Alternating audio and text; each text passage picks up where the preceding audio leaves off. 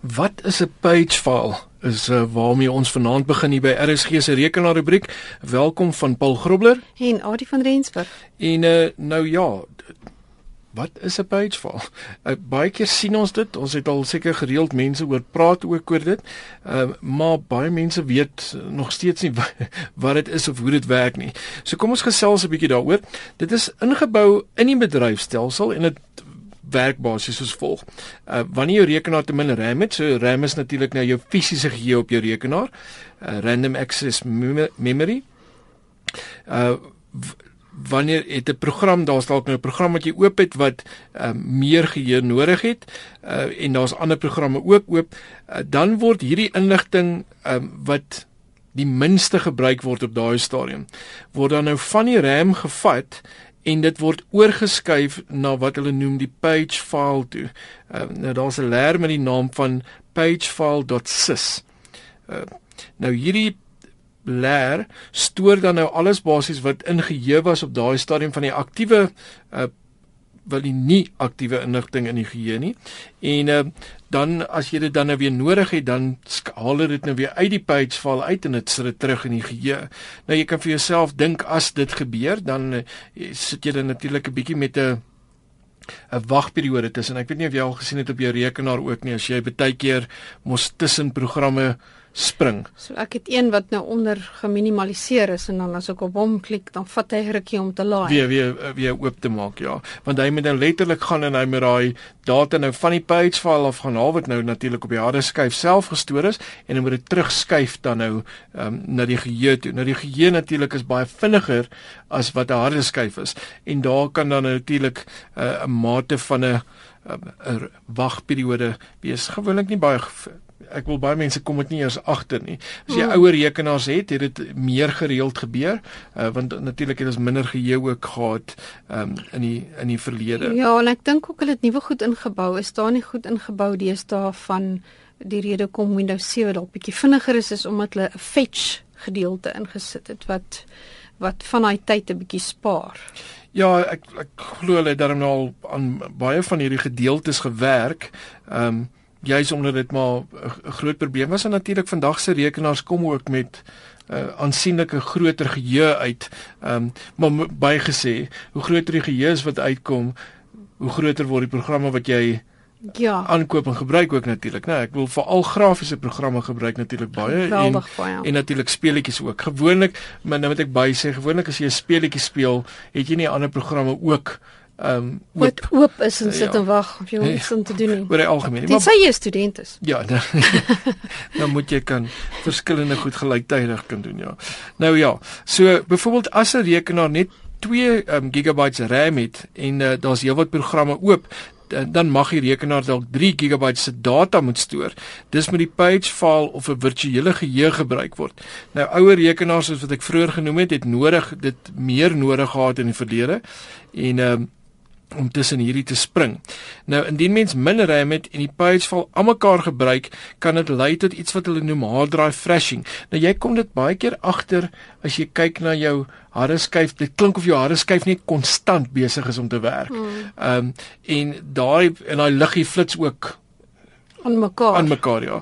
Nou daai hard drive thrashing um, is nie goed vir jou rekenaar nie. So as dit konstant gebeur dat jy werk en jy kom agter en dit jy sal ook sien oor die algemeen voel dit as jou rekenaar amper stadiger is. Hmm. Want die rekenaar is nou so besig om te spring tussen die page file en jou geheue dat die harde skyf amper nie kan werk nie. So in so 'n geval is dit dalk die moeite werd gaan spandeer liewers dat daai ekstra paar rand en sit ekstra geheue in vir jou rekenaar mm. en beskerm jou harde skyf want op die einde van die dag hierdie aanhoudige geskryf na die harde skyf te sleg vir die harde skyf en dit kan hom op die einde van die dag beskadig en uh, jy wil definitief nie al jou data verloor nie. So uh, wees maar versigtig wat dit uh, aanbetref. Nou um die grootte van die page file um word deur Windows bepaal en dit is beter so. Uh, Moenie dit self probeer stel nie. Uh jy kan gaan kyk na jou page val as jy regtig sou wou. Dit is 'n hidden val oor die algemeen so jy behoort hom net sommer net raak te sien nie. Mm. uh, maar is daar page val dat sis? En uh, jy kan ook gaan kyk hoe groot dit is want die grootte gaan vir jou aandui oor hoeveel inligting was dit vir jou rekenaar nodig gewees om na daai leertjie te skryf op een of ander stadium. Nou mense kry mense wat nou hulle min harde skryf spasie en nou gaan kyk hulle wat se grootte van die page val en dan disable hulle dit. Ja. Nou is dit nou 'n goeie ding of nie? Dit is nie 'n goeie goeie ding nie en baie mense disable dit en net baie mense probeer dit letterlik uitvee ook. Ehm uh, met of sonder sukses. Nou nou ek gaan nou ek gaan nou kom by die die probleme waarmee ons saamgaan, maar wat belangrik ook is om te besef is dat 'n page val ehm um, nie net gebruik word in Windows nie, maar ook in Linux en dit het, het aparte funksies ook. So in Linux gebruik dit heeltemal 'n aparte partisie. En uh as jy uh in Windows word dit ook gebruik in Linux word dit gebruik vir hibernering maar in Windows kan dit ook gebruik word um, om crash dump layers. So as daar ja. fout gaan in die geheue, dan uh, damp dit gewoonlik die inligting na die page file. Jy sien so blou skerm en jy sien al die snaakse syfertjies. Die blou skerms nou.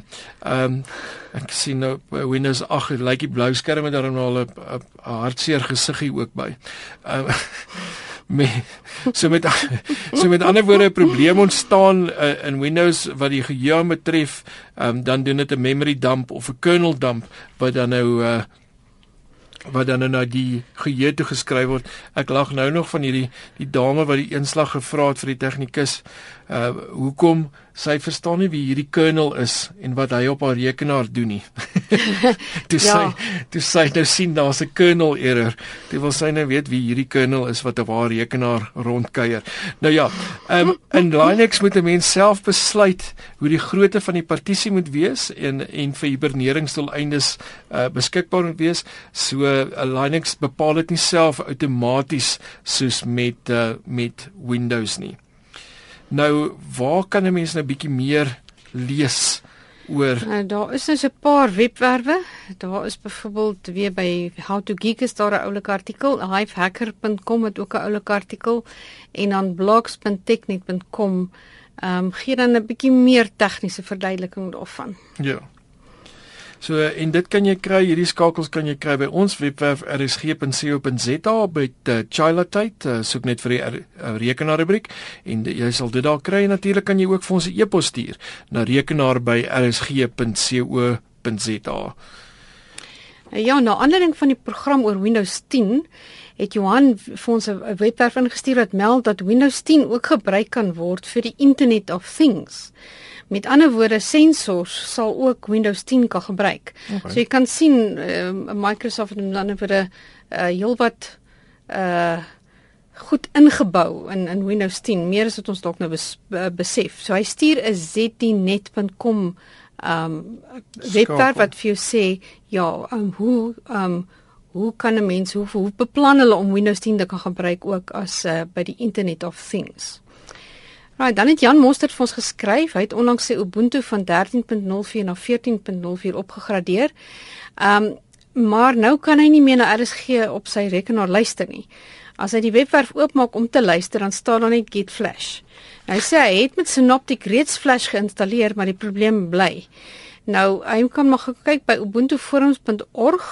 Um daar praat hulle van PPA wat jy kan gebruik dalk in die plek van Flash gaan kyk ook miskien na ander spelers by ubuntuguide.org skynstreep wikis skynstreep ubuntu trusty media players Nou ja, ons het uh, vroeër genoem dit na, natuurlik met jou page val, moet dit nie gaan uitvee nie, moet dit nie gaan verander as dit nie nodig is nie of disable nie, want dit kan soos mm. stelselprobleme gee en jy kan 'n verskeidenheid van uh, foutboodskappe kry. As jy egter sou wil gaan kyk hoe groot hierdie page val is, waar kan mens dit doen? Dis die wenk van die week. Wel, gaan na die start menu soek tog blokkie of of druk jou Windows sleutel saam met die R en dan tik jy in sysdm.cpl Dan in die venster wat oopmaak, dan gaan na advanced settings, advanced en dan change. Nou in hierdie venster is dit moontlik dan om hom eintlik af te skakel. Ehm um, Dit is nie voorstel nie. Nie voorstel nie. Miskien as jou rekenaar 16 GB RAM het en jy gebruik op die meeste twee op 'n slag of die grootte te verander alhoewel dit die beste is dat Windows dit eerder self hanteer. Hou dit op outomaties. Nou daar het jy dit gaan kyk gerus by RSG se rekenaarrubriek uh na die RSG rekenaarrubriek onder Chala tyd uh rsg.co.za of stuur ons 'n e-pos na rekenaar by rsg.co.za.